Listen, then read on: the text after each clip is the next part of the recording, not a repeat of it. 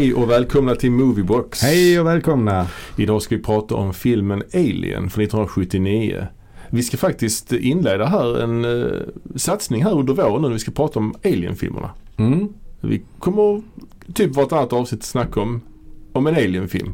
Så först kommer vi prata om de två riktiga Alien-filmerna. Och sen kommer vi prata om alla de andra. Ja, ja, så kan man kanske se på det. Så ser inte jag riktigt på det i och för sig. Men, Nej, eh, vi, vi har lite ja. delade åsikter kring det hela. Men idag ska vi eh, bara fokusera på den första filmen. Ja. ja. Men innan vi gör det så, så uh, skulle jag vilja knyta tillbaks till när vi pratade om uh, att vi skulle avlägga, säger man det, avlägga nyårslöften för i år. Mm. Det gjorde vi på, på nyårsafton, på, eller Mm. på nyårsafton, men var ett nyårsavsnitt. Mm. Och, Jag har något svagt minne av det. Ja. och där lovade jag att jag skulle se alla Tarkovsky-filmerna. Ja, just det. Inte jättejobbigt kanske. Nej, det är eh, fullt rimligt. Det är ganska rimligt se det. Att ha ett år på sig. Liksom inte, jag har alla filmerna också hemma så det är inte så att det är jättesvårt. Nej. Jag har dock eh, hittills failat rätt rejält. Jag har inte sett en enda. Du har inte sett en enda? Än så länge. Alltså jag har ju sett några av dem sedan tidigare men jag Ja. ska ju se alla. Se om dem jag har Det är sett. ganska kul om du liksom väntar till december Mm. och ser På nyårsafton. Då ser Se du alla. alla, sju filmerna hinner man inte ens ju. Eh, Så det, jag, jag eh, böjer mitt huvud i skam och Mm. eh, erkänner att jag ännu inte påbörjat min, min quest där för att klara detta. Jag ska snart göra det. Jag börjar med den första. Är, väl, är det Ivans barndom som är först? Ingen aning Jag vilken ordning de kom i. Jag tror den är ganska- ja, det låter rimligt. Den är inte så lång heller. Den är typ 90 minuter. Ja, Så man borde kunna ja. inleda med den ju. Ja, precis. Uh, istället för att säga en massa video nasties och sånt jag jag, brukar tror göra. offret, eh, den kom på slutet. Offret är sist ja. Offret är Ja. sist. ja. Eh, och ditt nyårslöfte var att du skulle se en film om dagen. Ja, ja, Eller du skulle se 365 filmer på, på ett år. ja. hur går det där med Ja, den men jag ligger i fas. Så du har sett hur många filmer? Jag har sett över 100 filmer. Ja. ja, det är väl rimligt. Vi spelar in den 27 mars här. Ja, jag räknar 30 per månad. Mm. Ungefär. Mm. Eh, så att eh, 90 ska jag vara uppe i när mars är slut. Och Mm. eh, jag är redan uppe i över 100. Så att Ja, jag är- ligger i fas än så länge. Ja, det är jättebra. Och det här är, vi ska få förtydliga nu så är det att det är även filmer du ser om. Ja. Till exempel Ja. Alien nu inför det här avsnittet. Då Exakt. räknas det ju som en film du har sett. Ja, precis. Sen så är vissa är ju eh, inte långfilmer heller. Ja, okej. Vissa är dokumentärer och vissa är, men vissa är å andra sidan eh, miniserier också.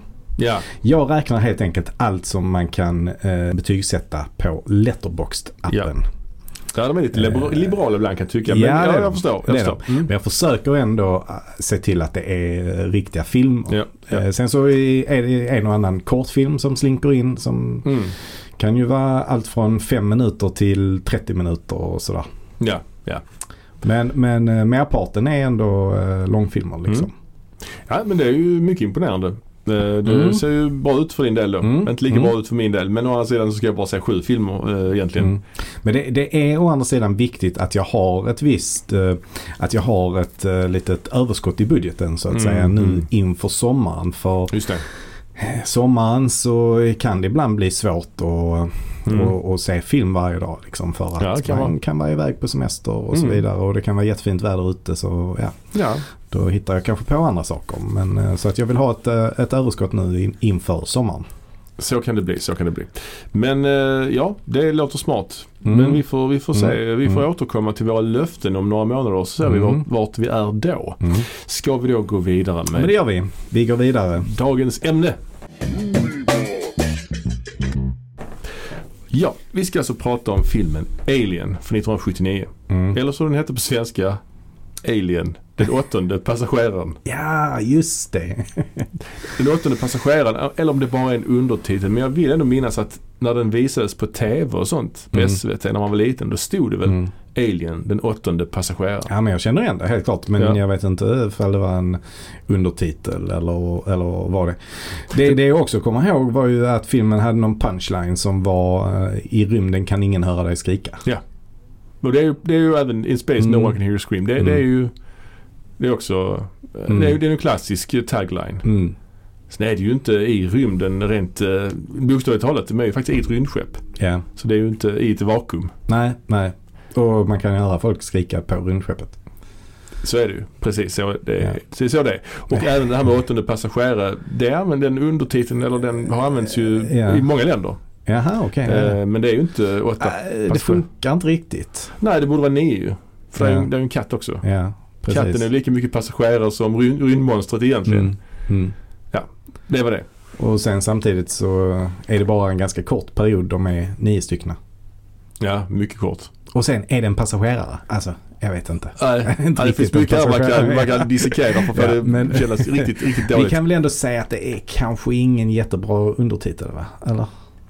Det, det är en bra undertitel men när man börjar tänka lite mer på vad det betyder så är det, upptäcker man ju svagheter. Men, och, och också den åttonde passageraren. Ja, det, är, Alltså, nej, det är ju inte så självklart att de är sju. Alltså nej. det är inte så att man kan inte vara åtta passagerare. nej, nej. Alltså det här var ett, vad betyder det liksom? det finns ju till exempel det finns ju en, eh, eh, det femte elementet. Det är en mer rimlig titel för det finns Mm. bara fyra element. Det blir Mm. det femte elementet lite äggande då. Vad är det femte elementet? Ja, precis. Alltså det blir ju en tankeväckande titel. Eller Sjun- jakten på den försvunna skatten. Då vet man Mm. att skatten är försvunnen. Och det är en jakt på den. Ja, ja, ja, jo. Det finns någon som heter den sjunde kontinenten kanske? Eller hur många kontinenter har vi? Uh, det vet jag Amerika, inte. räknas Amerika som en eller två? Det är två. Ibland räknas det bara som en i OS-ringarna. Skitsam. Ja, jag Ja. tror det. Amerika, Europa, Australien är en egen Asien, i alla fall. Australien, Antarktis. Alltså Antarktis tävlar de tävlar inte i OS, Antarktis. De har inget, de har inget curlinglag. Nej, jag vet inte. Vi måste, vi, vi, ja. Men ja, det, är, det är en undertitel, den åttonde passageraren. Ja, Mm. men det är bra på ytan, inte så bra när man börjar gräva i det. Så kan vi säga. Eh, Du, jag tror du, du ehm, pratar om olika saker där med eh, eller det, det, det med OS-ringarna kanske stämmer. mm, det är bara fem ringar ju. Ja, ja. Men, men för det är ju också ibland så här snack om eh, jordplattor och sådär. Mhm. Är det inte det? Där snackas Alltså vi. att Amerika är en och samma eh, jordplatta. Men Alltså- det är ju olika kontinenter. Kontinentalplatta, är det det? ja, kontinentalplatta heter det. Ja. Ja. Jag vet inte. Men jag Det tror har inte på. har med det att göra. Men, Sen är det vissa människor som säger att Centralamerika är en egen kontinent. Men det är ju bara sjukt att säga så. mm, För det finns, Centralamerika är väl bara egentligen Nicaragua och sånt. Det tillhör väl egentligen Nordamerika. mm. Ja, men det, det, det ja precis. Det det. Ja. Eh, men ja, tillbaks till Alien då. Ja. Vi beger oss ut i rymden nu. Mm. Eh, vad har du för relation till filmen Alien? Eh, ja, men det är ju det är en film som jag har eh, sett otroligt många gånger Mhm. faktiskt. Ja, samma här. Samma här. Det är en sån film man eh, återkommer till väldigt ofta och eh, Mm. slänger på någon gång. Eh, kanske inte en gång om året men nära på. Ja, man kan ju se den i stort sett när som helst ju. Mm. Det är ju en sån film man kan se när som helst Mm. på dygnet. Innan jag såg om den inför det här avsnittet Mm. så senast jag såg den var när den firade 40 år. Och då hade den en eh, lite så bio, eh, den gick på Mm. bio. Ja, ja, ja. Eh, Jag vet inte om de hade ändrat någonting i den. Det tror jag faktiskt inte. Det var Nej. liksom inte något nyrestaurerat eller så. Nej, eller det. omklippt. Utan det var bara att de visade den när den fyllde 40 år. Och det var ju då eh, 2019. Ehm, Just det. Så att då såg jag den eh, senast. Ja. Och eh, kul Mm. att ha sett den på bio också tycker jag. Mm. ja, det har jag nog aldrig gjort tror jag. Nej. Men jag har sett filmen ett otal gånger. Alltså Mm. jag vet inte hur många gånger jag har sett Mm. den. Jag får ändå säga att det är en av mina absoluta favoritfilmer. Mm, jag håller med. Och jag slänger inte ut det så ofta. Nej. Du vet hur jag Jag är väldigt Mm. blygsam med sådana superlativ. Snål nästan. Snål skulle jag Mm. säga. Sjukligt snål. Men detta Ja. är faktiskt en av mina absoluta favoritfilmer. Ja, jag håller med. Ehm, och eh, jag har sett den väldigt många gånger som sagt. Och redan när man var liten gick på tv och så vidare. Mm. Eh, Det var liksom en ganska mm, omtalad film just på grund av dess eh, ganska blodiga och läskiga eh, in, scener. Liksom. Så. Mm. Ehm, ska vi snacka lite grann om bakgrunden till filmen då? Mm. Manuset är ju skrivet av vår, allas vår Dan O'Bannon. Ja, precis. Dan O'Bannon. Han Denna har- han har- lite märkliga figur i eh, populärkulturen. ja, ja, precis. lite udda fågel. Men Ulla Fågel ja, han har gjort en hel del eh, filmer, eh, varit med och lite här och var. Ja, det, det är det som han, eh, hans genombrott kanske man kan säga. Det var ju i filmen Dark Star. Ja. Som han gjorde tillsammans med John Carpenter. Som det är ju John Carpenters första långfilm. Ja, Som var något slags eh, studentprojekt tror jag som Mm. John Carpenter gjorde. Eh, och eh, det är ju rätt kul. Den är ju väldigt lik Alien faktiskt, eh, Dark Ja. Star. Den har många likheter. Ja. Så där skrev han ju manus tillsammans med Carpenter. Ja, Eller om han skrev manuset själv kanske. Jag vet kanske, inte jag minns inte riktigt. Men han är också med i filmen som skådis. Mm, som skådis ja. Och den filmen, eh, som sagt, den har många beröringspunkter gemensamt med Alien. Det handlar om några, ett rymdskepp som är ute och Mm. som heter Dark Star. Som Mm. är ute och deras uppdrag är att spränga instabila planeter med hjälp av smarta bomber som har så här Mm. bomber med, med AI. Mm. Lite härl, härl i, i 2001 kan man ju säga. Den Mm. har ju rätt mycket inspiration från 2001 också. Och, och det som den filmen handlar om är ju att eh, besättningen på det här rymdskeppet är ju så himla uttråkade och trötta på varandra. De verkligen bara gnäller på varandra jättemycket och ja men det är rätt taskiga också mot varandra. Ja. kunna säga. Det är en riktigt, riktigt eh, intressant film faktiskt. Ja, det är det. Den, är, den skulle jag se om och Mm. snacka mer om längre Ja. fram. Men i, här, i den här filmen så är det också ett rymdmonster ombord på rymdskeppet. Mm. Dock är det här rymdmonstret inte alls lika skrämmande som, eh, som monstret i, i Alien. Utan det här är ju alltså en, en badboll med fötter som piper. det är verkligen vad det är. Ja. Så den är ju mer komisk än skrämmande. Ja, ja. Men Dan O'Bannon han tog väl det bästa från det här manuset och gjorde ett nytt manus. Mm. Som han då... Han, det var ju så att han blev ovän med eh, John Carpenter efter Mm. den här filmen. Eh, för att eh, Dan O'Bannon hade ju hjälpt till med hela produktionen. Så han, och hävdade också att han hade varit med och regisserat filmen. Men Just det. fick ingen cred för det. Och då blev det ju ett falling out mellan Mm. Carpenter och O'Bannon. Men O'Bannon ville prova på att göra om det här som en regelrätt skräckfilm istället. Ja. Och han döpte väl manuset till Star Beast. Mm, just det, det hette Starbase från början. Ja. Och han, eh, han eh, gick runt i, i Hollywood med detta manus och eh, fick till slut napp ju. Och eh, Ja. manuset eh, togs över då av det här produktionsbolaget Brandywine Productions. Mm. Som då ägs av Walter Hill och några till. Walter Hill är ju framförallt känd som regissör. Han har ju regisserat Mm. eh, The Warriors till exempel och 48 timmar. Bland annat. Mm. Så han och någon av hans eh, kompisar, David Geiler, Mm. de, eh, de gillade inte manuset egentligen väl men de, de tyckte ett par scener var jävligt coola. Bland annat den här ökända chest burster scenen. Mm. Så de behöll ju det de tyckte var bra men gjorde om ganska mycket. Mm. Bland annat bytte de namn på alla karaktärerna för han eh, Walter Hill hatade namnen på alla karaktärerna. Jaha, okej. Ja. Så det, de hade helt andra namn från början. Ja, ja. Eh, Det som också är intressant är att, eh, som jag har hört, är att eh, inga karaktärer är könsbestämda Nej, det i, stämmer. i manuset. Ja, allihopa är bara efternamn ju. Ja, ja. Så det är intressant ju. Det är rätt så, ja, spännande faktiskt. Ja. Men, men innan Dan O'Bannon sålde manuset så var han ju också i Europa. Ja. Eh, och eh, blev ju anlitad av Jodorowsky.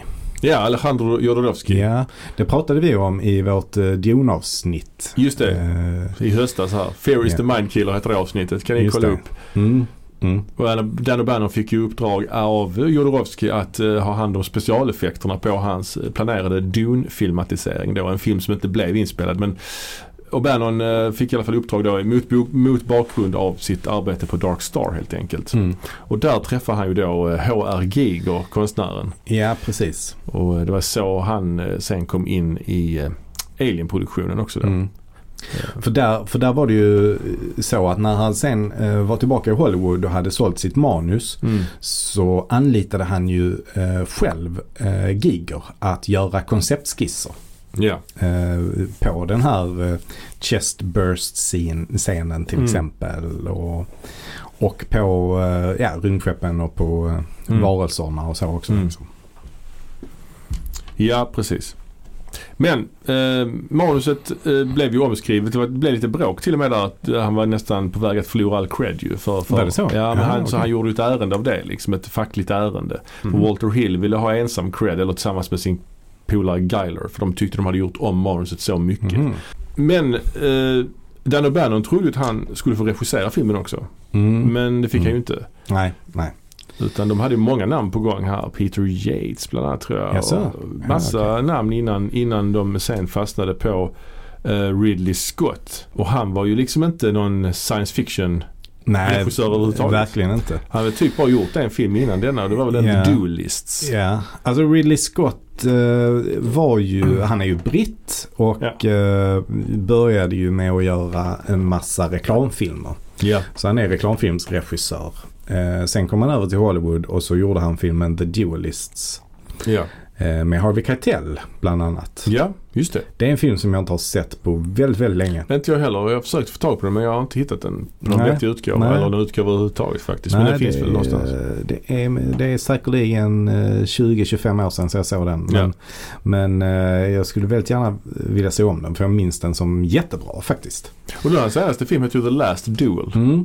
Det är intressant. Lite Ja, Circle har Complete. du sett den? Nej. Nej, nej, jag har sett den. Eh, jag tyckte inte om den jättemycket men eh, ändå ganska bra. Alltså Ridley Scott, om vi pratar lite om honom så har väl han i mina ögon i alla fall alltså, tappat lite av sin mystik. Alltså Mm. förr var han lite mer mystisk för han hade Mm. gjort ganska få filmer. Ja. Alltså han hade ganska, han, han var inte så produktiv under 80-talet. Sen, Eh, 80-talet var han väl ändå, nej precis, nej han var inte jättesuperproduktiv men Nej. han gjorde ändå ganska många filmer men alla blev inte så omtalade. nej exakt. Ehm, Men sen senare år har han blivit väldigt produktiv. Jag tror att han hamnade i ett science fiction-fack efter Alien och Blade Runner som han gjorde back to back. Ja, ja. Eh, så han ville liksom bort från det facket. ja, det är imponerande att ha gjort två sådana riktiga klassiker Ja, back to back ju. Eh, så att han gjorde lite, lite thrillers och så på 80-talet ju. Ja just det, Someone to watch over me och sånt va? Ja. Ja. Och eh, det är väl han som har gjort eh, den med, är det är det Mickey Rourke? Uh, Jared, nej, inte Jared the Dragon. Vilken är det jag tänker på? Nej, Hard Rain. Black Rain. Ja, Black Rain har han gjort ju, men ja precis med Michael Douglas. Michael Douglas. Mm. Mm. Men sen har han också gjort Legend, ska vi inte glömma. Ja, när kom den? Var det 85 typ. 85? Ja. ja, ja. Så att, eh, ja, men sen så 90-talet Men det var väl kanske efter den då som han ville bort från, från det facket lite grann. Och då gjorde han ju mer eh, thrillers och, och, och draman och så. Ända fram till Gladiatorn egentligen. Ja, alltså man kan kolla bara på, på 80-talet gjorde han ju som sagt Blade Runner Legend och sen gjorde han eh, Someone to watch over me Mm. och Black Rain. Så att, och sen Mm. 90-talet så blev det, ju- var ju Thelma och Louise en stor Mm. omtalad liksom feministisk film som blev väldigt hyllad också. Mm. Och sen eh, gjorde han, sen gjorde han ju, innan 00-talet med Gladiator. Mm. Och sen på 00-talet blev han väldigt produktiv och gjorde jättemycket filmer. Och mycket rätt så dåligt ju. Alltså han gjorde Hannibal till exempel. Det var lite Ja. märkligt val av honom kanske. Ja. Black Ja. Hawk Down är väl rätt hyllad. Mm. Jag har faktiskt aldrig sett den. Nej, jag har Eh, sett den. Men eh, jo, den, den, var, den var ganska den var ganska hyllad eh, Mm. samtidigt som den var lite problematisk i hur Mm. eh, man framställde eh, jag kommer inte ihåg vilket land de Ja, det är är Somalia, i. är det väl? Somalia. Jag tror hur jag, de ja. framställdes i, i den filmen. Så det var lite problematiskt där. Men, men eh, in, dessförinnan gjorde han väl G.I. Jane också. Det G.I. Jane har gjort. Sen har han Mm. gjort eh, också Matchstick Men med Nicolas Cage. Alltså där börjar han bli där, lite sådär där, Det var ju ointressant. verkligen där han blev ointressant och Ja. tappade. A Good Year med eh, Russell Crowe. Åh gud Jag har ja. inte ens sett. eh, Den alltså det är så sjukt. så O, o, Jäkla dålig. han har gjort mycket filmer med Russell Crowe ju. Mm. American Gangster, Body of Mm. Lies, Robin Hood. Mm. Mycket filmer med honom. Mm. Ehm, och sen så i förra året i alla fall så gjorde Mm. han ju även House of Gucci och The Last The Duel. Last Duel. sagt. Så det Ja. var två rätt stora filmer på samma år. Mm. Och sen har han ju också på senare år återvänt till Alien-franchisen. Så vi Ja. kommer att återkomma till Ja. längre med Prometheus och Alien Covenant. Vi kommer att återkomma Mm. till dem längre fram. Eh, en annan sci-fi film han har gjort är The Martian. Ja, just det. Som jag bara sett en gång men jag älskade den. Jag vet inte varför. Ja, Jag tyckte den var svinbra. ja, ja. Ehm, Den var ju, eh, det roliga med den var ju att på Golden Globes var ju den nominerad som komedi. det var tokigt ja. Ja. Ehm, Märkligt. Ja, ja men, Men- Ridley Scott i alla fall. Han gjorde också en del reklamfilmer på 80-talet ska vi säga. Ja. Han gjorde en ikonisk reklamfilm ju för Apple eh, Macintosh. ja, just det. Det är Eh, han som har gjort den. ja. Ja. Den, Den, eh, 1984. exakt. Ja. Ehm, ja, den är cool. Mm. Den är cool. Ehm, och sen så eh, kom ju också hans bror eh, in i bilden. Ja, Tony. Eh, Tony Scott. Ja, Eh, som- och gjorde Top Gun bland Ja, annat. Days of Thunder. Ja. True Romance. Mm. Tog dessvärre livet av sig va? Ja, det Ja. gjorde han. Det gjorde Tragiskt. han. Tragiskt. Ja, Ja. ja okej. Alien alltså, regisserad av Ridley Scott. Mm. Och eh, ska vi gå igenom vad den filmen handlar om då? Mm. Det gör vi. Eh, vi får då eh, möta eh, besättningen ombord på eh, fraktskeppet Nostromo. Nostromo ja. Om det nu är ett fraktskepp eller vad det är. Mining, Ja men det är det ju. Jag, ett gruvskepp. jag faktiskt först nu när jag såg filmen att jag insåg att Alltså man får ju se skeppet komma där i början. Det ser Mm. ut som, ett, som en flygande fabrik i stort sett. Ja, En industri, ja. Ett industrilandskap med massa Mm. Men jag fattar ju först nu att det är inte hela det som är skeppet. Utan det är ju, det är ju liksom skeppet boxerar det här stora raffinaderiet typ. Med, med Är det mineraler Är det så? Så när de, Aha, okej. ja, ja, ja. och sen kopplar de ju bort skeppet när de ska ner på den här planeten. Ja, Det är ju det som är Nostromo, bara det. ja okej men det finns något skepp som heter Narcissus också. Är det inte det de åker ner med? Ja, det är nog den där skytteln i slutet kanske. Ja, Ja. ja. Mm. Men eh, ja, den här, eh, det här skeppet i alla fall har varit ute Mm. länge.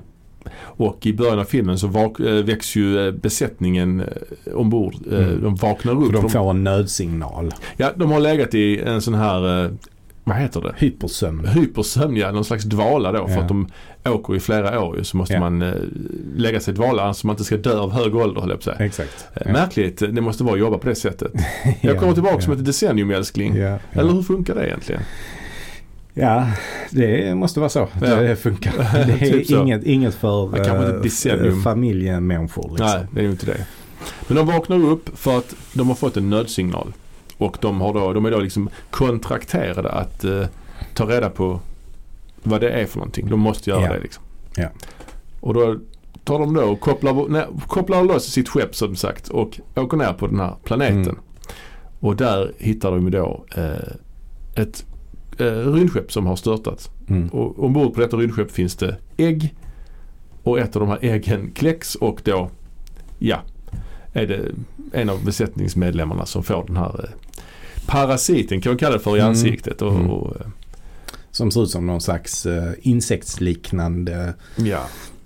ja, den är mm, ja, fruktansvärt äcklig. spindel. Ja, något sånt. Eh, och sen utvecklas ju detta att eh, det här monstret utvecklas eh, till större och större och Mm. dödar besättningen en efter en. Ja, det är svårt att man behöver inte gå, man vill ju inte gå igenom scen för scen men i alla fall det, det, det är ju en ikonisk film och Mm. de flesta har väl antagligen redan sett den. Mm. Men det utvecklas ju till en skräckfilm i rymden helt enkelt. Det var ju så de lanserade den. Hisspitchen var ju Jaws in Space. Ja, just det. Eh, och Ridley Scott vill ju verkligen göra en riktig skräckfilm av detta. Han vill ju Mm. liksom göra typ Motorsågsmassakern. Han var väldigt inspirerad av den faktiskt. Jaha, okej. För, för, för Ja. skräckeffekterna. För att få det här liksom, den här paniken. Mm. Eh, Mm. För att Mm. O'Bannons originalmanus var nog lite mer ordinärt monster. Mm. Ett Mm. ordinärt monstermanus helt enkelt. Mm. Ehm, ja och um, återigen eh, som sagt det är ju på manusstadiet så var det ju könsneutrala karaktärer. Mm. Men vi får i alla fall, ganska tidigt i filmen får vi ju träffa alla karaktärerna. ja, ju, Och, och karaktärerna utgör ju en viktig del av eh, filmen. ja verkligen, verkligen. Det är ju liksom lite av ett eh, Alltså en ensemblefilm på något Mm. sätt ju. Det är det. Mm. Eh, och, Och det är ju då som vi har nämnt sju personer plus en katt Ja. som är ombord på det här skeppet. ja, det, och det intressanta här är också att de är, man kan ganska tydligt se en indelning i de här karaktärerna. mm. Vi har ju då eh, fyra styckna eh, som är, vad ska man säga, lite, på lite högre nivå. Mm. Eh, eller fem egentligen. Alltså det, det är två tydliga karaktärer som är på en lite lägre nivå. Alltså det finns lite olika sådana hierar- hierarkiska indelningar. ja, precis. Och det är ju Mm. då, man går igenom de eh, officerarna då så Mm. är det ju då kaptenen som heter Dallas. Mm, Som spelas av Tom Skerritt. mm. Så han får ju top billing här ju. Ja, just det. Eh, och, eh, Och han var väl egentligen inget jättestort namn på den här tiden tror jag. Nej, han var väl med i någon sån här Big Bad Mama eller något i den stilen. Ja, ja precis. Det kan han nog vara med. Eh, men han spelar ju ganska, Detta är hans mest kända roll måste det ju vara. ja verkligen. Han är med Eh. lite också i Top Gun. Han är med i jag. Top Gun, ja. Ja. Absolut. Och han är med i liksom typ Poltergeist 3. Och så. Alltså han, han Mm. har inte gjort så mycket stora grejer. Nej. Eh, men, Att men, blandat ihop honom. Eh, med, nu ska vi se vad han, uh, tappat namnet på honom men alltså, de är väldigt lika. Han har också sånt skägg. Uh, han här country-sångaren. Chris Christopherson. Chris Christopherson. Ja, ja, ja. Jag ja, blandar- har ja alltid men jag kan blandat honom förstå. med honom. Ja. Men jag gillar Kapten Dallas, vad kan man säga om honom? Han känns ju ganska, ja, Han är ju inte så, han är rätt så tillbakadragen och laid back. Han är ganska som, Ja, alltså han är en väldigt tydlig ledarfigur är han ju. Och han har ganska mycket pondus. men ganska okarismatisk. Skulle jag säga. Ja. Ganska trött. ja, liksom. ja, absolut. Sliten. Jo, jo, det är han. Trött och sliten känns han. Mm. Men han är, han är ju ingen sån här macho-pilot. Nej. Eh, Han är inte militärisk heller på något Nej, sätt. nej, utan han är tillbakadragen och lugn. Skojar lite ibland med besättningen och sådär. Men Mm. ja, jag tycker han är rätt så skön faktiskt. Ja, Jag, ja, ja, jag gillar honom. eh, Ja. faktiskt. Eh, sen så nummer två i, Mm. i rankingen. Ja. Det är ju då Kane, heter ju den eh, karaktären. Ja. Och det, han spelas ju av John Hurt. John Hurt ja, som eh, är väldigt känd skådespelare. Ja. Eller blev det i alla fall sen efter detta. Ja, hyllad brittisk eh, skådespelare. Eh, vad hans, eh, det är väldigt tydligt då att Dallas är kapten. Men Mm. vad Kane är för någonting det är lite mer otydligt Ja, för men mig. han är någon slags andra, alltså vad heter det, V- vice kapten eller vad ska Mm, man säga? Vice kapten. Ja. Kanske pilot. Alltså att han är den som styr skeppet. Han har ansvar för skeppets. ja, kan vara så. Kan Ja. vara så. Och sen trea då Mm. i rankingen är ju då eh, Ellen Ripley. Ja, eller bara Ripley. Mm. Förnamnen finns inte med här. Nej, de är inte alls med. Nej. Nej. Eh, Men vi vet ju att hon heter Ellen. alla Ja, det får vi reda på i andra filmen. Ja. Hon spelas av Sigourney Weaver. Mm. Hon heter ju inte Sigourney egentligen. Nej. Det är ett sånt Nej. namn hon tog från eh, typ någon bok har för mig. Mm. Märkligt att ta det namnet. Ja, verkligen. Sigourney. Sigourney. Det är inte det lättaste Nej. namnet att uttala. Ehm, och hon är ju då trea eh, på listan. Och också otydligt vad hennes funktion är i, i besättningen ju.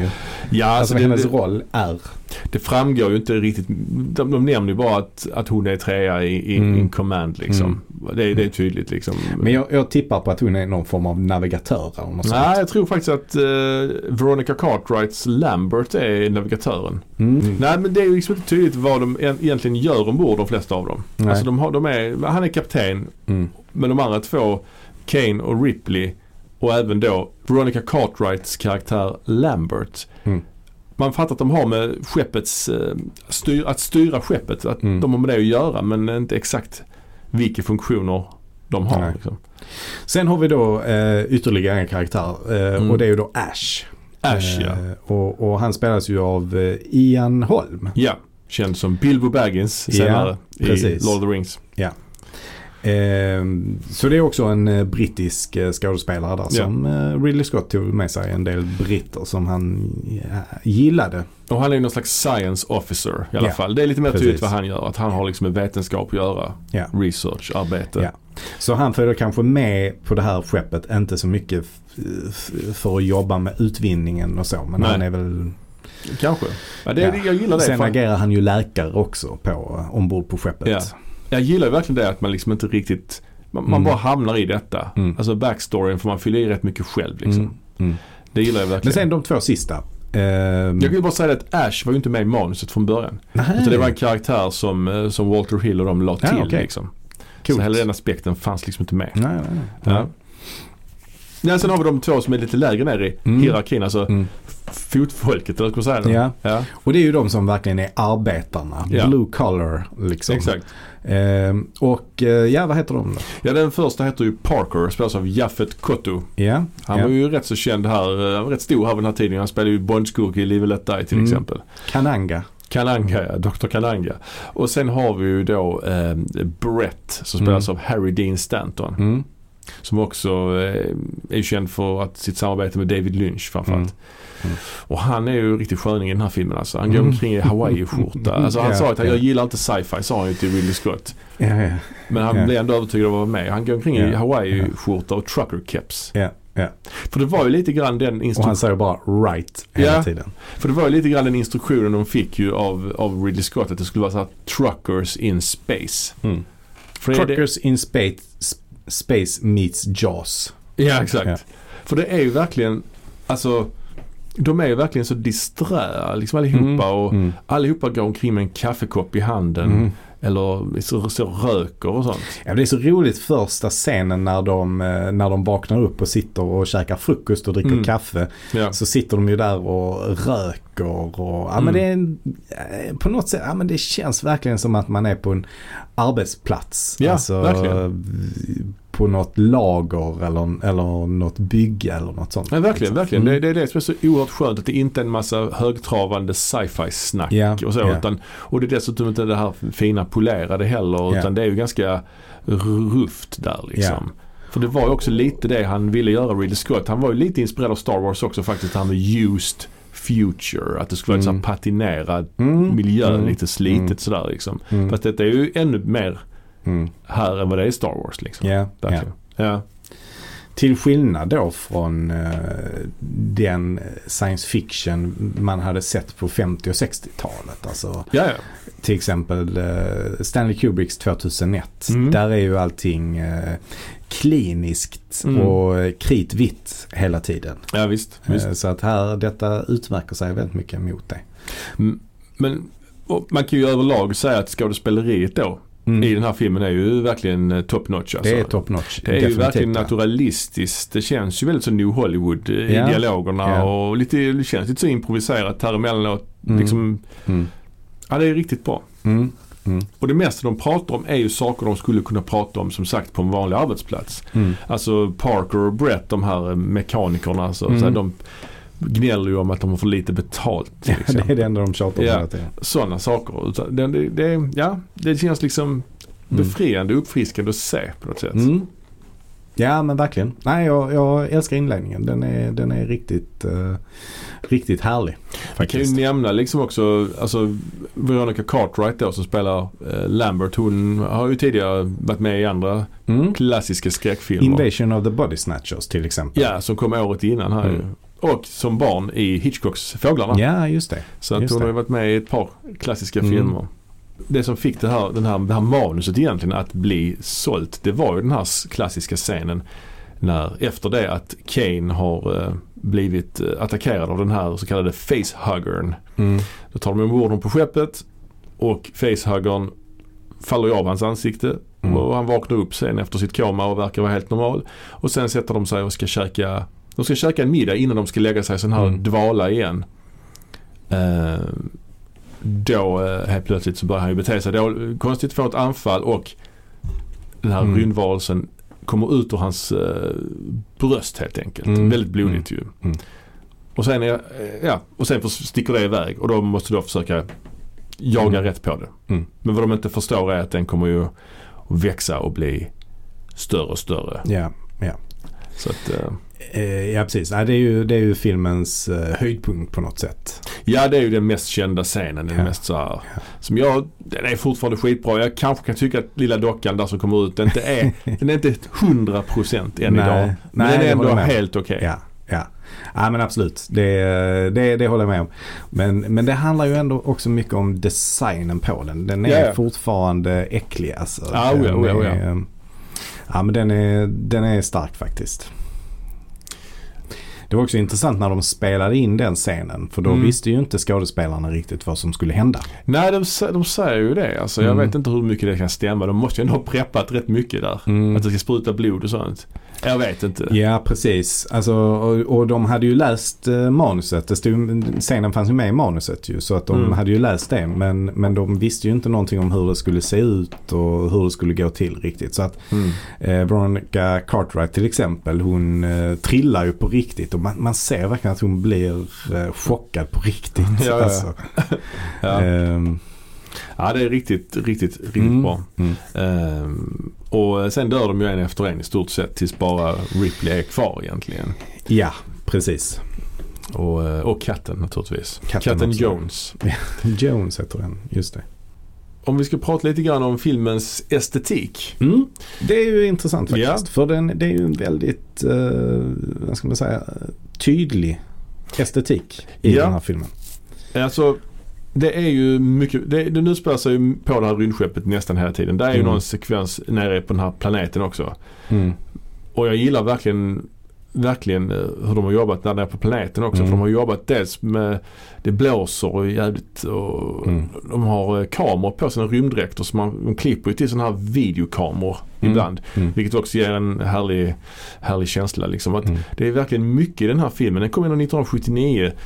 Mycket som känns så oerhört modernt än idag i den Mm. när man ser den. Och även naturligtvis scenografin inne i rymdskeppet. Ja, Ja. Visst det är lite spår av 70-tal här och var. Mm. Men på det stora hela är det ändå riktigt, eh, tycker jag håller fortfarande på många sätt faktiskt. Ja, eh, alltså det är nog mycket här Ridley Scott har kommit in. Mm. Mm. Ehm, för att i och med att han kom från reklamfilmshållet så var han ju van vid att skapa den här, eh, vad ska man säga, glossigheten. Alltså Ja, ja. finishen, att det skulle verkligen se bra ut. Mm. Ehm, och eh, det är ju extremt snyggt foto tycker jag. Ja. Eh, och som funkar jättebra med scenografin. Och det är han själv som har hållit kameran va? Ja det är det. Ja. Ty- men han är ju inte director of photography. Nej, det, det nej. är ju en annan som är. Eh, Men han har jobbat jättemycket rent praktiskt med att både ljussätta och hålla i kameran. Eh, Ja precis. Eh, Jag tycker alltså filmens allra första inledningsscen är skitsnygg.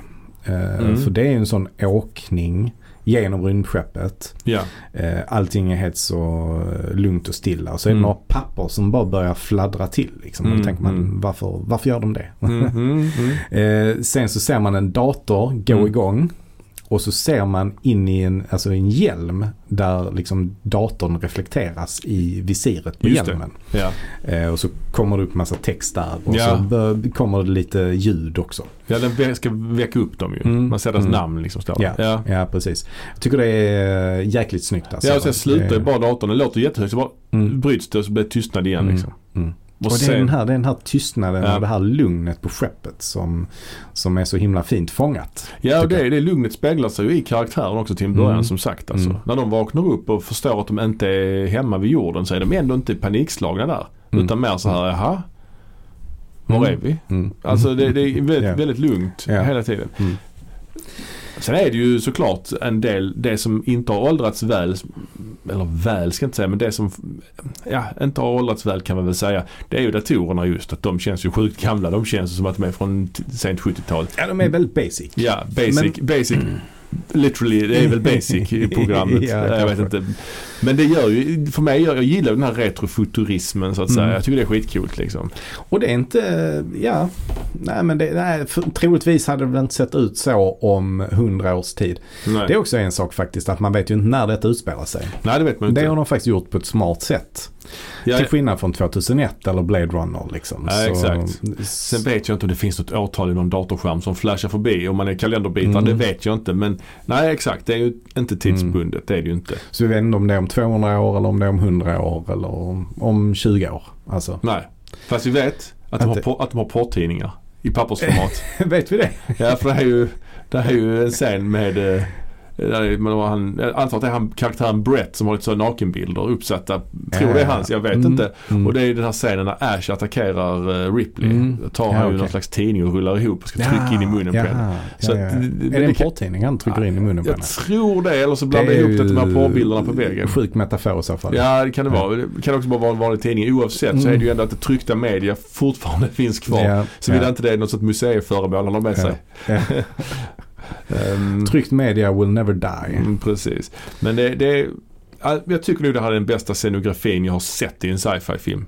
Mm. Jag slänger ur mig det. Det, det. det är trångt, det är mörkt och sen är också liksom att i och med att den här filmen är gjord när den är gjord så är det ju rätt så oflashigt att man nu för tiden när man kan göra vad som helst Mm. så kan man ju åka in genom fönster och ut genom fönster Mm. och Mm. uh, rymdskeppet i 360 och sånt. Här vet man att allting är, är gjort eh, Ja. på, på riktigt så att säga. Det finns inga, Ja.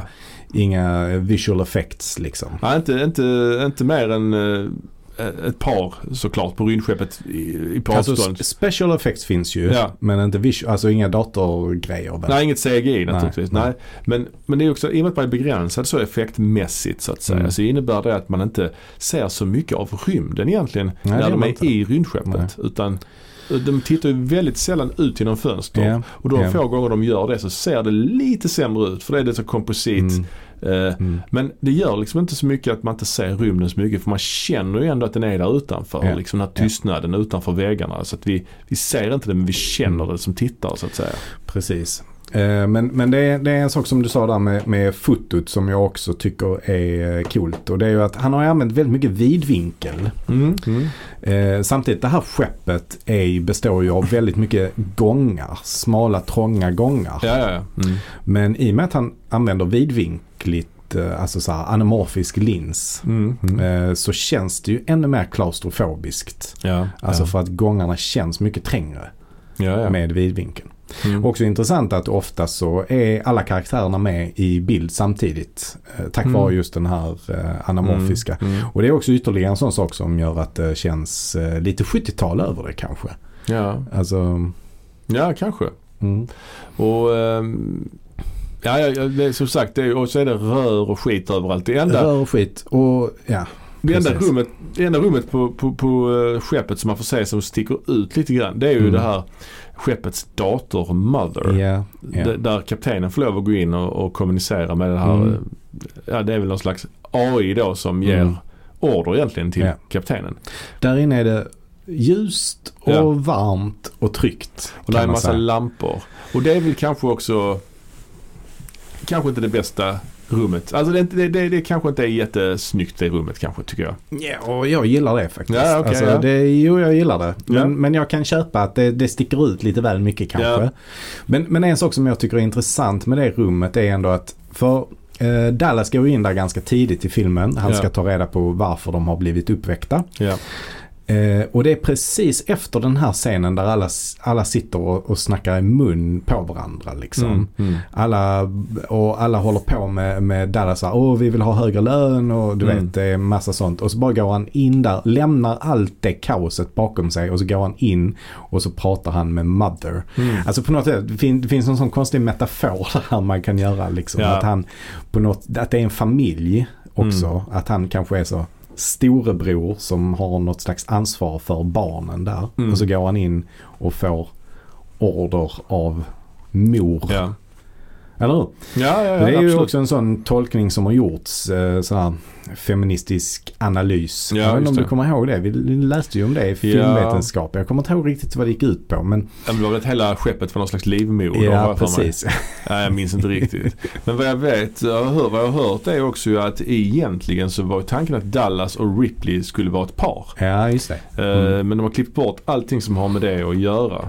Vilket jag uppskattar ganska mycket. Ja, jag tycker det är jättebra att de, ja, de har bara ett eh, professionellt förhållande. Ja, det enda jag ser liksom i deras förhållande är väl att han kanske eh, beskyddar henne lite grann.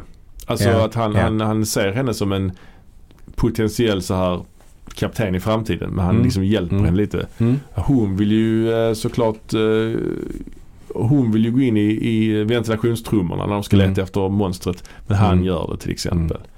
Ja, precis. Ehm, ja, men om vi ändå ska prata lite om hur de karaktärerna är så eh, är det ju rätt så intressant hur Ripley är. Mm. Hon är ju en riktig paragrafryttare. Ja det är hon ju. Paragrafryttare av rang får man nästan säga. Ja hon vill ju inte släppa in dem. När de varit på planeten Ja. så vill hon inte släppa in dem i, eh, i skeppet igen eftersom de måste sitta i karantän eftersom han har blivit eh, kanske smittad av någonting. Ja, ja Detta precis. är lite så, har ju blivit omtalat efter nu sen covid har den här scenen kommit upp igen har jag ja, för mig. Ja, precis. Jag har hört någonting om det också. Eh, nej men absolut. Ehm, och eh, man märker ju också att resten av eh, teamet eller besättningen gillar ju henne inte riktigt heller för att hon är en sån paragrafryttare. ja verkligen. Det, det är likadant. Alltså Brett och Parker har ju någon eh, dialog med De henne. jävlas lite med Ja henne. precis. Men hon kan bita tillbaka rätt så bra. Mm. Alltså hon är ju Ja absolut. Hon är ju tuff tillbaka mot dem. Hon kan ju alla, så här, för det är också någon gång hon, hon Ja. påpekar ja men det här står faktiskt i ditt kontrakt. Ja, exakt. Och, och så vidare. Eller när eh, han säger hon säger till Ash att när eh, Da- Dallas och Kane inte är på skeppet så är det jag som är liksom first in line Mm. eh, som bestämmer. Och sen Precis. när Dallas inte är med längre så är det hon som har Ja. För, för, det, för det som händer i filmen är att hon vill ju inte släppa in dem. Nej, Vilket hon inte heller ska by the book. nej. Liksom. Men då, då kommer ju Ash och eh, bara öppnar dörren till dem. Ja. Och då bryter hennes order Ja, helt enkelt. Och det får man ju reda på sen varför han gör det. Ja. Det är också väldigt, väldigt så subtle, Ja. bra skrivet liksom. Det är riktigt bra skrivet Det faktiskt. är en sekvens innan, eh, innan de be- beger sig ut på planeten. Så får man se Ash inne på skeppet där han står och joggar liksom på, Mm. på, på Mm. plats. Mm. Väldigt snabbt. Mm. Så det är som en liten hint om vad som Mm. komma ska liksom. Ja, men jag tycker alltså han, eh, han är han gör sitt livs roll där tycker jag. Ian Holm. Alltså jag tycker Mm. han är fruktansvärt bra.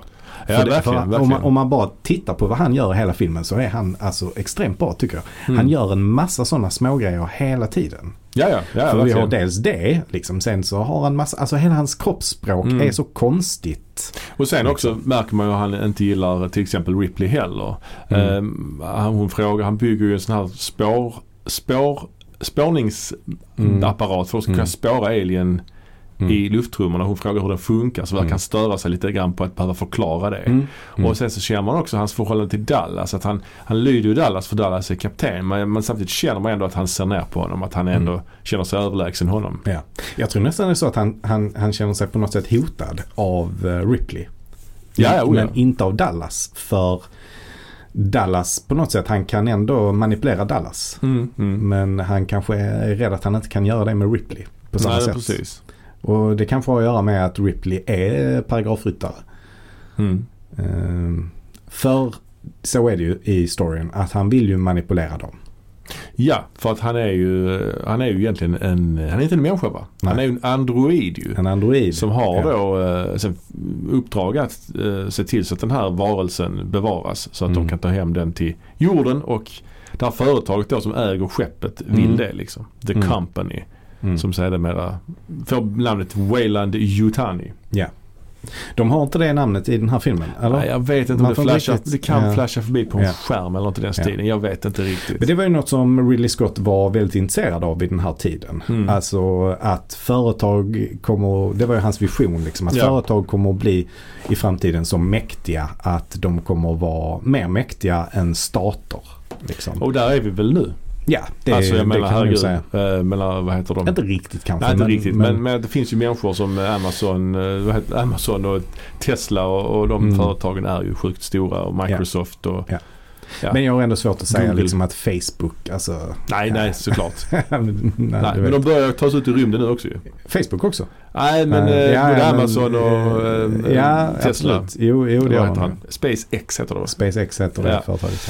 Ja, nej men, eh, Ehm, nej, men när, ja. när, men när vi pratar om den här filmen så känner jag ju faktiskt att jag, att jag vill se om den alltså. Det är så Ja, sjukt. ja, jag har ändå sett den två gånger nu på en vecka här. Ja, ja. Jag, såg, jag har sett både Mm. theatrical cut och director's cut. Ja, för det finns ju två Mm. versioner. Mm.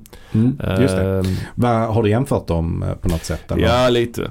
Alltså, jag tror det är en De är väl typ lika långa? Ja, typ lika långa. Kanske att directors har- är lite kortare till och med faktiskt. jag tror nog det Ja, jag kommer inte ihåg, men- Jo. Det är någon lite annorlunda åkning i början och sånt. Lite små grejer. Men sen är det framförallt Mm. en scen. Vi kan ju prata lite grann om, alltså monstret dödar ju först Kane Mm. eh, i den här middagsscenen. Mm. De gör begraver honom också i rymden. Mm. Det är en Mm. begravningsscen. ja, de skjuter ut honom i Ja, rymden. det är rätt starkt ändå. Ja. Alltså det är också Ja. en fi- stark scen. Och sen är det ju, ska de jaga rätt på monstret och då, där är ju det här med att de, katten hoppar fram när man tror det är monstret. Det är ju så en klassisk skräckfilms eh, Mm. på en katt. Det, det är väl med två gånger, inte? Ja, jag vet inte varför man har, jag vet inte hur ställer du till katten? Alltså den blir ju rätt så viktig liksom i storyn för att hon ska hela tiden hämta den liksom. Ja, alltså jag tycker katten är, jag är ju, jag är ju ingen kattmänniska va? Nej det är du inte. Det är, jag är väl lite Ja, mer än vad du är. Jo men det, det är du väl definitivt. Ehm, ja, nej men jag gillar katten. Mm. Den, är, den är rätt ball. Eh, en sak som jag inte riktigt fattar det är va, varför dödar inte Alien katten? Nej, det, nej. För det har den ju chans till. Ja det har den. Jag fattar inte varför de har med en katt heller på ett rymdskepp. Jag fattar inte Nej. riktigt det. Nej det fattar jag inte Vems, heller. vem är, är det, vems, vems är katten? Är det liksom hela besättningens katt? Det eller? kanske är ett, eh, en rymdkatt liksom. en, ja. En, en, alltså rymdskeppets katt. Ja, det kan vara det. Eh, det kan det vara. Eh, eller så är det någon katt de har plockat upp någonstans. För de Mm. har ju eh, man säger att de har massa olika souvenirer från eh, Mm. olika ställen. De har ju den här fågeln som doppar eh, näbben i någonting. Som Just går det. så upp och ner så hela tiden. Ja, Eh, så den återkommer ju också i, i tvåan faktiskt, andra Ja. filmen. Ja, eh, men så att de har, de har ju lite sådana souvenirer Mm. och lite sådana roliga grejer som Mm. de antingen har plockat upp på någon rymdstation eller tagit med sig Ja, som ja, personliga items. Liksom. Mm. Så att jag kan ändå köpa att det de har med sig en katt där. Ja, då. Men jag menar, det måste ju kosta jättemycket för företaget och för den måste ju också sövas ner ju. Ja. Så då måste de ha en sån kapsel till den också. Och den bidrar ju inte så mycket. Den kan ju bara förstöra, tänker jag. ja, Alltså, ja. Ja, men de, de, de, eh, Brett ska ju hitta den. Och han går iväg själv och då hittar han ju liksom Mm. skinnet till den här lilla chestbursten. Mm. Så den måste, den måste ha växt något oerhört väldigt kort tid ju. Mm. Det är väl en av de grejerna som, jag, som gör att den här filmen inte är helt perfekt. Eller liksom, Ja, men lite där- så. Där ska tycker jag vara- att det är ett problem med filmen. Att Ja. efter att uh, facehuggern Mm. uh, burstar ut. Ja, chestburster då blir det. Chest- Ja. Okej, Facehuggern dör ju. hur kan vi gå igenom är ju- aliens eh, olika former? Och det är ju också den här alien-monstret, eller Xenomorph. Xenomorph. Som ja. jag, en, det, det nämns ju inte i den här filmen, Nej, det ordet. nej. Jag har aldrig använt det ordet faktiskt. Jag tycker Nej. det är lite löjligt nästan. Alltså Ja. alien säger man ju. ja, Ja, eller monstret. Ja. Men, Men, har, men om vi ska hålla oss Ja. till, vad säger man, kanon? Eller Ja. vi ska prata om dess eh, fortplantning och eh, ja, hur den fungerar. vad är det för slags djur eller eh, monster eller Ja, det- varelse? Det vad är är det? briljant. Alltså när de landar på den här planeten och går in i det här Mm. rymdskeppet så hittar de ju en annan rymdvarelse som sitter Mm. i någon slags pilot, The Space Jockey. Ja. Och där ser de ju att den har eh, exploderat inifrån Mm. så den har hål i, i bröstet också. Mm. Ja men de klättrar ner och hittar en massa ägg. Så att den här varelsen är ju först i, i ett ägg. I ett ägg ja. Och sen kläcks ägget, då kommer det ut den här Face- facehuggern. Mm. Som då eh, sätter sig fast i ansiktet på något Ja. annat djur Ja. eller människa. Ja. Och lägger den någon slags befruktar då via halsen. Håller människan vid liv, befruktar och så börjar det växa ett foster Ja. inuti som sen när det blir tillräckligt stort bryter sig ut ur människan och Ja. kläcks. Och sen, Så den, den är en parasit som använder eh, olika Mm. värddjur som, Ja. som värdar då helt ja, enkelt. och sen, sen när det här alien-monstret är tillräckligt stort då är jag inte riktigt med på vad den gör. Då, då, då tror jag att den, den dödar ju folk. Mm.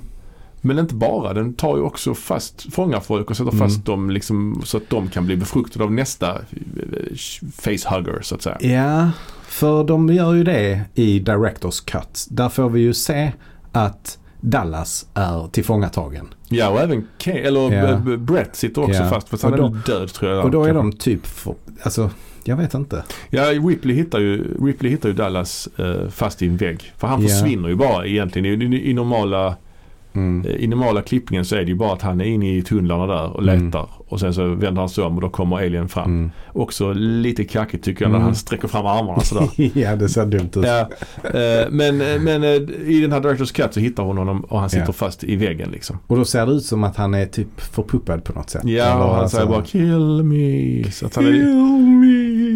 Jag, har aldrig, jag gillar inte riktigt den, den sekvensen. Nej. Men något nej. liknande kommer ju sen i, i andra filmen. Mm. Eh, Men det är ju Mm. bättre i den andra filmen faktiskt. Mm. Men jag gillar att han bara försvinner. Det är att det blir lite så hemligt. Liksom. Ja, absolut. Ja, men det gillar jag också. Eh, men i alla fall, det är lite oklart vad Alien eller Xenomorph då vill göra med eh, Dallas tycker jag. För den måste ju äta tänker jag. Ja. Äter den inte upp sina offer? Det vet man inte heller. Nej, Det verkar ju inte, det finns inga sådana scener med att den käkar liksom. nej, nej. Inte i den här filmen i alla fall. Det är nog någon sekvens kanske i tredje filmen när den käkar på någon människa tror jag. Mm. Men Mm, eh, mm. det är också, det är också fräckt, när, eller fräckt, men det är också är intressant när han Ash eh, benämner monstret som Kanes son. Det är lite äckligt nästan. ja, det är det. Det är det faktiskt. Ja. ja. Men det är också faktiskt, om man tänker efter, det är ju en skräckfilm i rymden. Bara det är ju Mm. eh, spännande. Men det är också lite liksom Lovecraftianskt. Alltså när de, när de är på den här planeten Ja, och så. verkligen. Eh, det, är, det är väldigt inspirerat av uh, Lovecraft, eh, Ja. manuset. Mm. Ehm, och det var väl lite det som, eh, som de förenades i Ridley Scott och Dan O'Bannon. Ja, okay, ja. Det var mm. väl lite, alltså Ridley Scott kunde ju ingenting om Lovecraft överhuvudtaget. Nej. Men eh, Dan O'Bannon var ju eh, väldigt inne på Lovecraft och det var även Giger. Ja, ja. Eh, så att när, när eh, Ridley Scott kom in i bilden så blev han väldigt inspirerad av detta. Så det var Mm. väl också han som gjorde att eh, liksom, både Giger och Dan O'Bannon fick ändå vara en viktig del av produktionen. Liksom. ja, ja. Eh, men men ehm, eh, som sagt Giger och O'Bannon de träffades ju tills, eh, i samband med Jodorowskis Dune. ja. Och båda hade ett intresse av det redan där. Men O'Bannon han var ju också väldigt så fascinerad av spindlar och insekter och pa- parasiter och sånt. Mm, som också mm. blev väldigt viktiga i utformningen av, av eh, Alien. ja. Eh, och sen fanns det ju också mycket annan inspiration också från Mm. alltså 50 och 60-talsfilmer. Mm, Eh, mm. det, det finns ju alltså en del filmer som har typ samma handling liksom. Mm, mm. Eh, som, som detta. Eh, Ja. Ja men det, det, det, det är det ju. Så är det ju. Eh, men den, liksom, den går ju mer och mer, alltså den blir mer och mer som en skräckfilm. Alltså man, man slänger bort lite av sci-fi eh, detaljerna när det mer blir en tydlig jaktfilm. Mm. Eh, eller så en jaktscener. När jaktscener avlöser varandra eller så. Att de, först ska ju de, det är ju så intressant också för de är ju liksom inga krigare heller. De är ju ganska inkompetenta. eh, på Ja, det det är, här. de, Alltså, är, det är, ju- de är inte alls uh, skillade för detta. Eh, Till exempel, till exempel där i den sekvensen när, när den här facehuggern har ramlat av. När den är borta helt plötsligt inne i Mm. sjuk, sjukstugan där. Så bara går de in där helt obeväpnade. Bara så, hallå. Ja, bara så- stäng dörren bakom er Ja, exakt. De är helt så. ja. ja.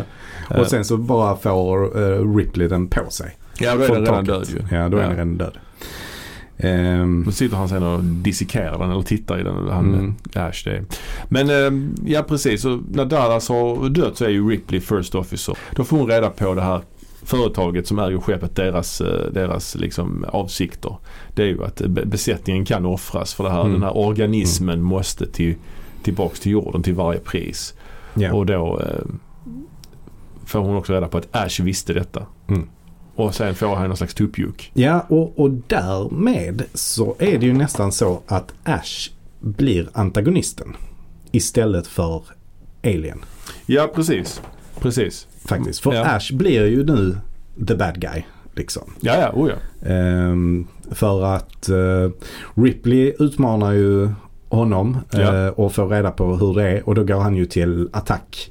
Ja, och han är ju freakish stark helt plötsligt. Ja, Och han slänger ja. henne och... eh, Och det är också intressant hur han alltså, slåss eller vad man ska säga Mm. mot henne. Alltså det är väldigt så eh, konstiga rörelser Mm. och han slåss på ett konstigt sätt. Ja. Så det känns ju, jag tycker, ty, jag är så fascinerad av hans eh, skådespeleri där. Liksom. Och han får ju sådana... Han, han, får, man börjar rabbla massa konstiga ramsor och sånt också. För det blir fel på honom ju. Ja, men det första som händer är ju att han börjar svettas och så rinner det typ mjölk ser det ut som Ja. från pannan. Det är ju första gången man får eh, Ja. en aning om att okej, det här är ingen människa. Liksom. Ja, det är man ser någon att det slags- rin, ja, rinner någon någon slags- vit vätska. Ja, det är någon liksom. slags sår han har fått då typ. Eh, Är det? Jag Ja, tror det, kanske för hon puttade in dem i en vägg Ja, liksom. ja. Eh, Och det är inte mjölk de använde utan det var ju vatten som var färgat. För att hade det varit mjölk så hade det luktat liksom. Det hade ju blivit surt och sånt ju. ja, ja, Men sen kommer ju Parker och Lambert och ska, ska hjälpa Ripley och då ja, visar det sig att han är skitstark ju. Ja. Men det är ju det är en rätt vild fight. Alltså han, mm, han kastar ju omkring, omkring henne inne i det här Ja. eh, rummet och Precis. river henne, alltså drar loss eh, massa hår. och sen eh, tar hon den här eventuella porrtidningen då som sagt och försöker trycka ner halsen på henne. Ja och det är ju sym- symboliskt Ja. där liksom. Det är märkligt han- sätt att försöka döda någon i och för sig. Jättemärkligt. Varför stryk på henne istället? ja, Eller exakt. bara, alltså det är men det är, det är på något sätt så brutalt ju. Ja, ja, verkligen, verkligen. försöka döda någon genom att trycka ner en ihoprullad tidning Mm. i munnen på eh, personen. Precis. Ja, det, är- det är o, riktigt obehagligt tycker jag. Men sen Eh, kommer ju, ja, ja verkligen. Sen- Men sen kommer ju då filmens, en av filmens stora twistar då. Det är ju det som sagt då att, att, att eh, han är en robot. Alltså Mm. Parker slår ju av huvudet på honom med en brandsläckare och då sitter Ja. huvudet kvar liksom ja, viks och han, bak. han fortsätter slåss Ja, med, med Parker. Ja.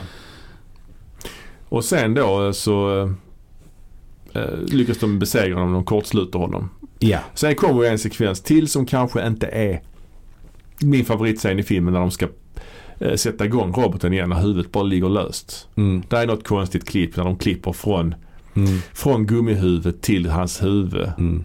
Och det är tyvärr så att de klipper från en bild till en annan bild som är nästan Mm. likadan. Det blir Mm. lite konstigt. Det hade man Mm. kunnat rädda på ett annat sätt. Ja, det kan jag hålla med om att man hade kunnat rädda det. Men jag tycker ändå att det är helt okej. liksom. Ja, jag tycker det- det... ser tillräckligt bra ut för Ja, att... det, just det klippet tycker jag inte om. Men Nej. jag tycker ändå det är helt okej när han sitter och pratar. När, han, när huvudet Ja, pratar. Mm.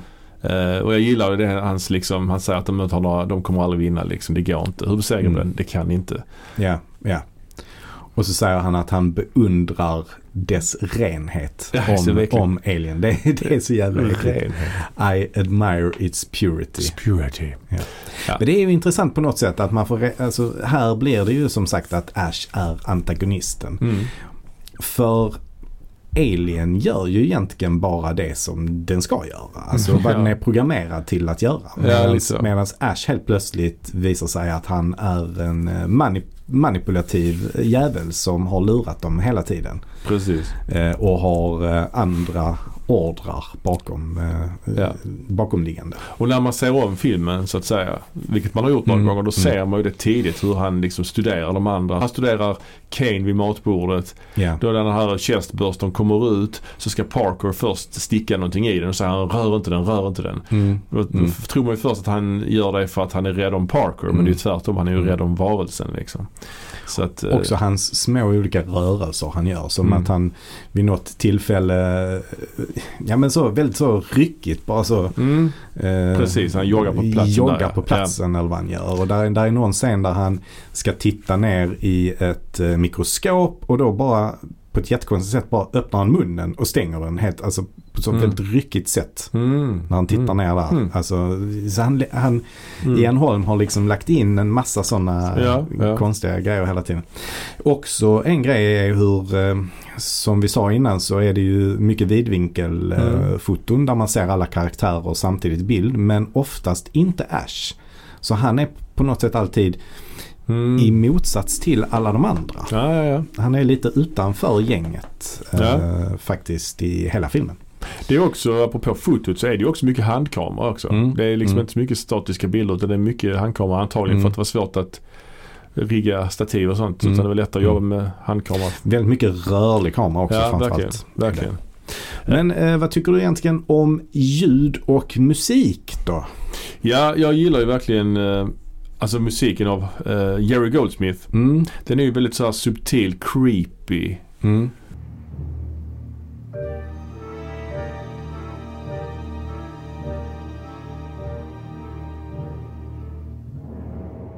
Alltså den, det är ju inte så storslagen. Det är någon sekvens i slutet där det blir lite mer upp, uppåt liksom tempo. Men annars är det ju ganska drömsk nästan. Mm. Jag gillar ljudet jättemycket. Mm. Alltså ljudläggningen och sådär. Det är väl lite det vi pratade om innan. Alltså det när de kommer ner på den här planeten så bara Mm. stormar det jättemycket. Ja. Och det är så det är så grym kontrast mellan inne i rymdskeppet där det är helt tyst Ja. i princip. Det är bara någon liten någon liksom varningssignal eller något sånt som kanske surrar lite dovt någonstans liksom. Mm. Men annars är det helt tyst. Till ner på planeten där det bara så blåser och uh, viner. Ja, precis. Eh, så det tycker jag är, det är riktigt coolt. Eh, Jerry Goldsmith, eh, kompositören, han Mm. eh, gillar ju inte någon av karaktärerna. Han tyckte alla kar- karaktärerna var osympatiska. Ja. Det, det tycker inte jag. Nej, det tycker inte jag. Dallas är inte så särskilt osympatisk och Nej. Ripley kan jag kanske köpa.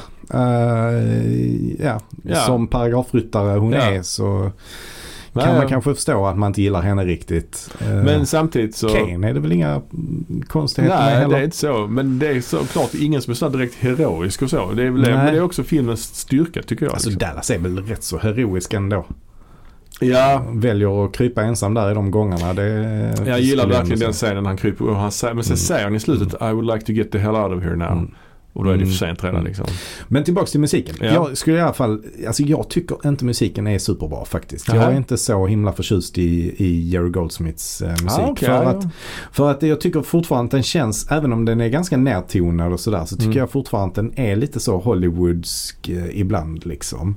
Mm. Alltså jag vill inte gå så långt och säga att den är dålig. Men den, det är ändå fortfarande en sån här symfonisk eh, orkestrering. Mm, mm. tycker jag. Ja, jag gillar den Om man, om man jämför med Blade Runner till exempel som har lite mer så syntig musik så Ja. gillar jag det. Jag, jag tycker Mm. i, i min värld så hade filmen kanske kunnat vinna lite på det om man hade haft någon lite mer, Elektronisk. ja, lite mer elektronisk Det musik hade varit intressant att se en alternativ version med annan Mm. musik. Precis som man kan Mm. vissa stumfilmer och sånt. Mm. Men jag Mm. gillar det. Jag gillar framförallt när man ser exteriörbilder på rymdskeppet och hör, hör hans musik. Mm. Det är ju sån Mm. här s- känslan av isolation, känslan av liksom det här lilla skeppet i den här eviga rymden liksom. Jerry Goldsmith har ju också gjort Omen kan vi säga. Mm. Eh, Han fick Mm. Oscar för den några år tidigare. Mm. Nej men det blir ju liksom lite som eh, alltså 2001 eh, musiken där, Mm. där. Där kör man ju också så symfoniorkester som Ja. kör så klassiska verk. ja. Och Det och det, det är ju ena spektrat av det. Ja, ja. Den här musiken är ju helt annorlunda såklart. Men, eh, men eh, ja, jag, hade, jag hade faktiskt velat se hur det hade funkat med eh, lite mer elektronisk musik. Det hade varit coolt. Ja. Om vi klipper tillbaka lite grann till det som händer i filmen och monstret då. Mm. Apropå monstret då nu i dess fulla form. Det är ju Mm. ikoniskt. Ett ikoniskt monster. Och vi har glömt nämna en skådespelare också. Det är ju Bolaji Badejo.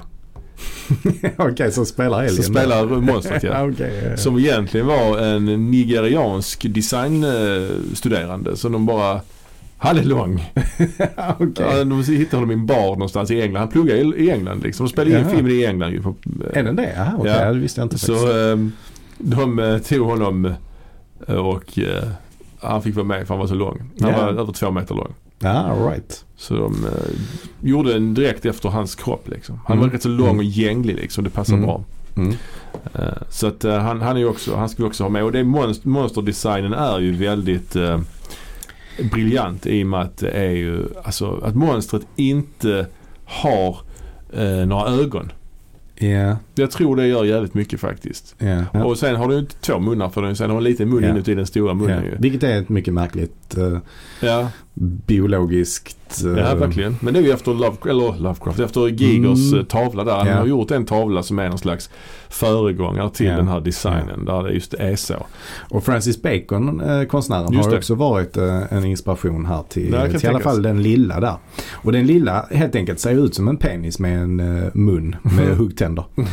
eh, ja men så är det väl. Ja, så är det väl. Eh, alltså och ja, designen är, det är ju, det är ju mycket äckligt och eh, alltså och Alien är ju både på något sätt både organisk men även ser ut som det är lite som me- mekaniska Mm.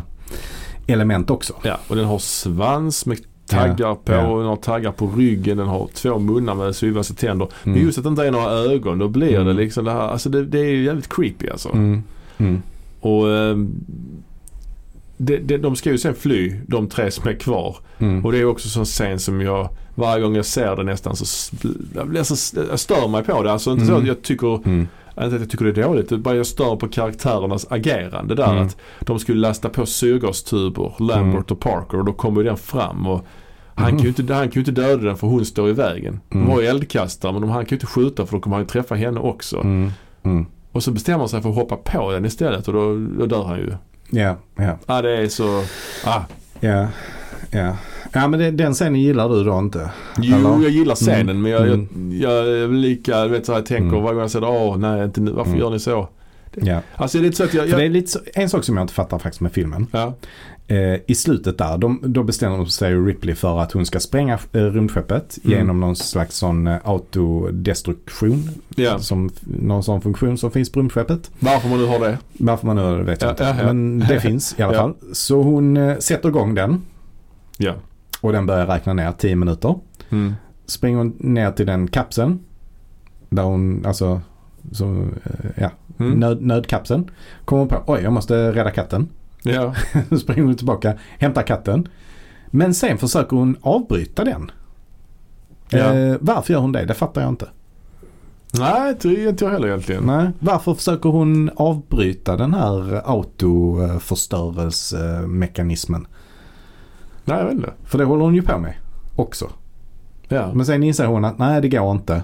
Ja. Vilket ju är en sak man också kan så, Ja. eh, känna igen sig i kanske. Men i alla fall så då springer hon ju ner till nödkapseln i alla fall. ja. Ehm, och ska rädda sig själv och katten. Också eh, en, eh, apropå det här med jobb med tystnader, när hon Mm. springer i korridorerna och det, börjar, det Mm. piper ett alarm att nu ska skeppet sprängas. Så bara stänger hon dörren till den här, kap, eh, till, Mm. till den här skytteln. Mm.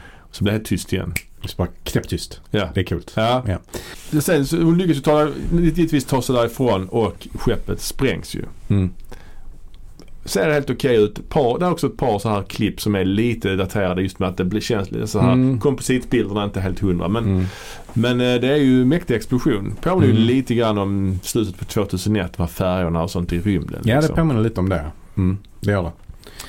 Eh, men det är också lite märkligt. Det är typ tre explosioner och något sånt. ja. I alla fall i den uh, Directors Cut-versionen. Jag vet inte om det är Ah, annorlunda i den andra. Men, Men sen är det ju en märklig scen.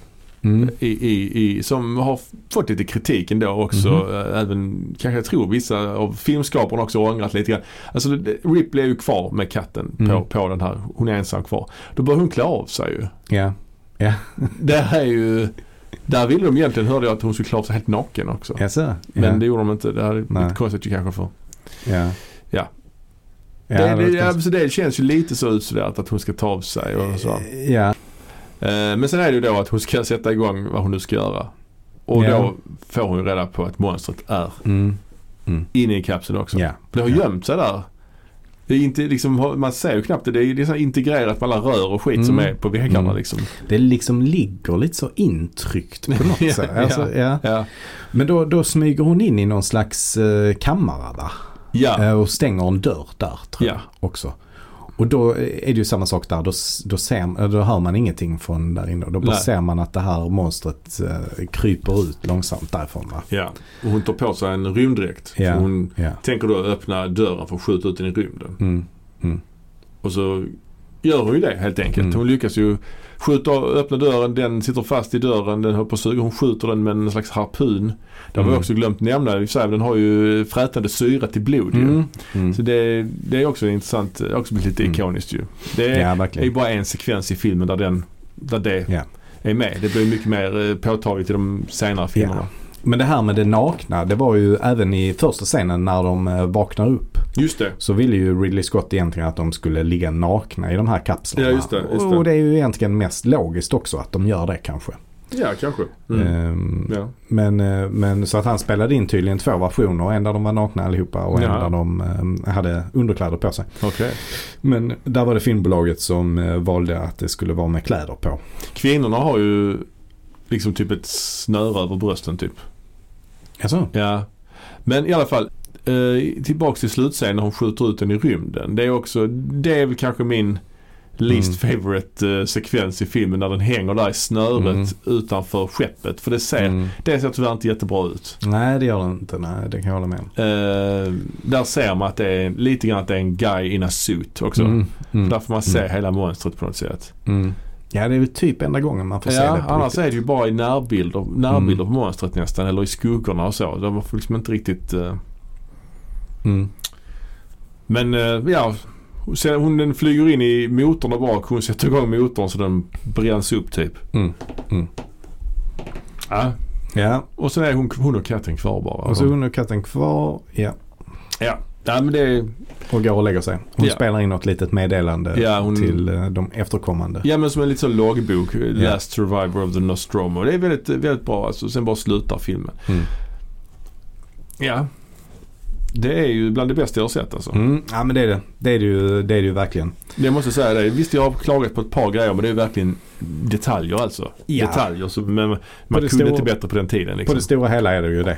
Eh, det är bara detaljer. Alltså det, det finns väl inte någon film som är helt fri från saker man kan klaga på. Liksom. Nej, Eh. nej, nej precis. Men av alla filmer som har gjorts så är detta en av dem som jag verkligen kan säga att detta är en av mina absoluta favoritfilmer. En av Mm. de bästa filmer jag har sett.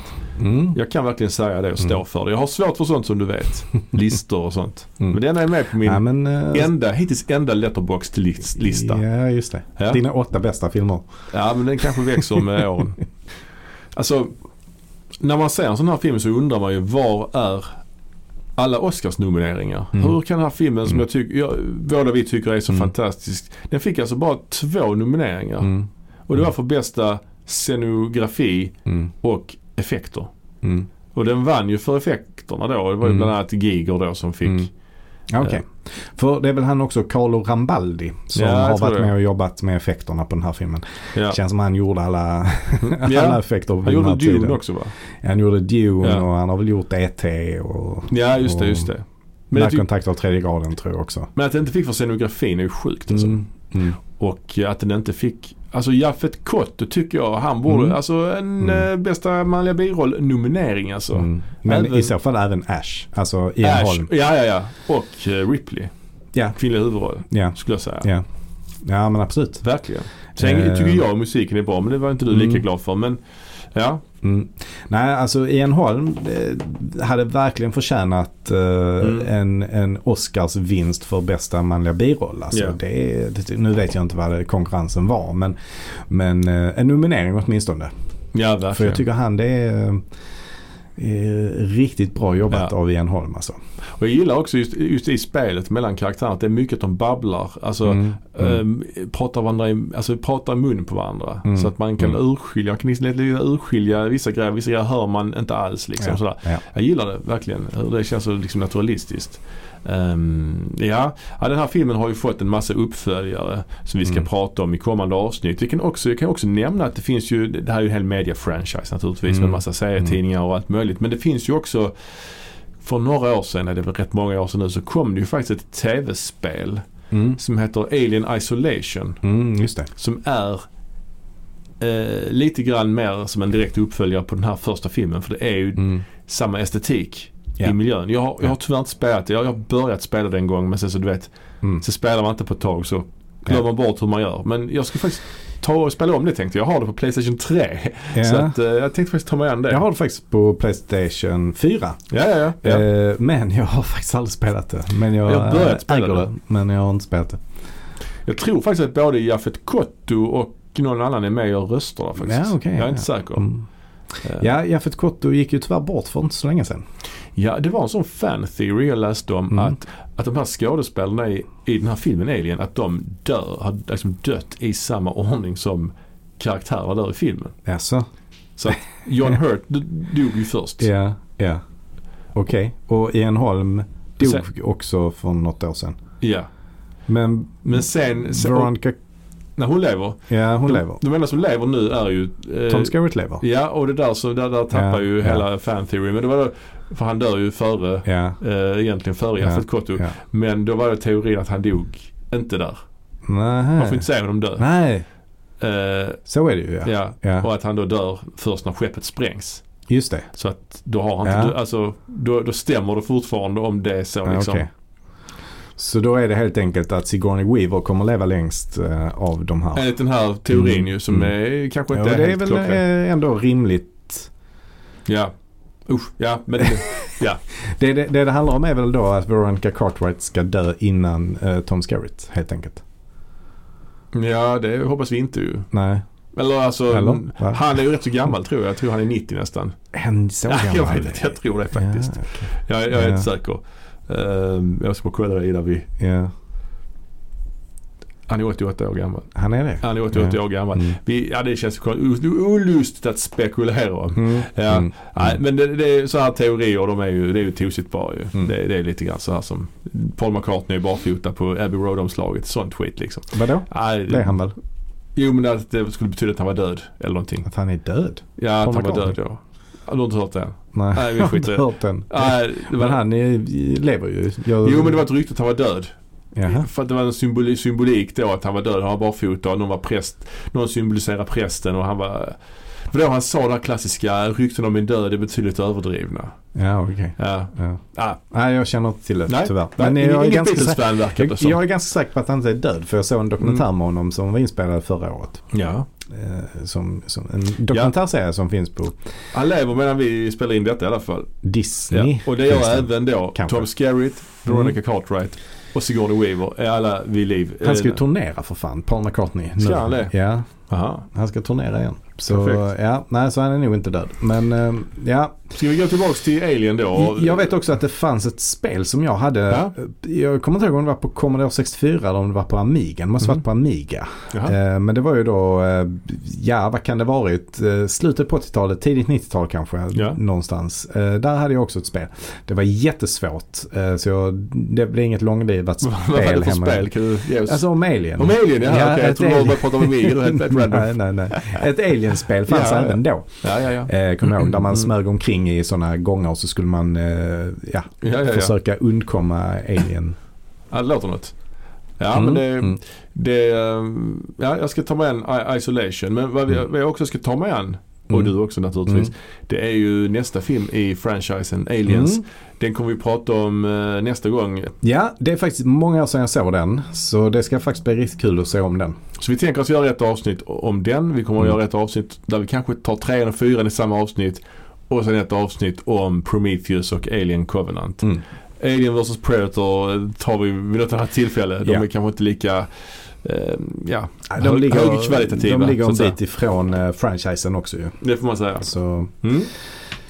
bra. Ja, tack. Men det var ett eh, riktigt kul avsnitt att spela in detta. Ja, jag. och eh, ni kan ju följa oss på Instagram. Jag vill också passa på att slå ett slag för vår Facebook-sida för där lägger vi upp lite innehåll som eh, bara finns där ju. Mm. Så kallade Precis. unboxings när vi eh, öppnar upp eh, filmer vi har köpt. Ja, Vi har bland annat en eh, bejublad eh, serie som heter Disc Shop Memories. just där det. vi lägger upp gamla eh, klipp på när vi har Ja. fått leveranser från numera nedlagda webbhandeln Discshop. Just det. Eh, eh, Saknad men inte glömd. Precis. Älskad av filmsamlarna. Ja. Ja. Men eh, vi hör oss igen nästa gång och kom ihåg i rymden kan ingen höra dig på det. Ha det så bra. Ha det, hej.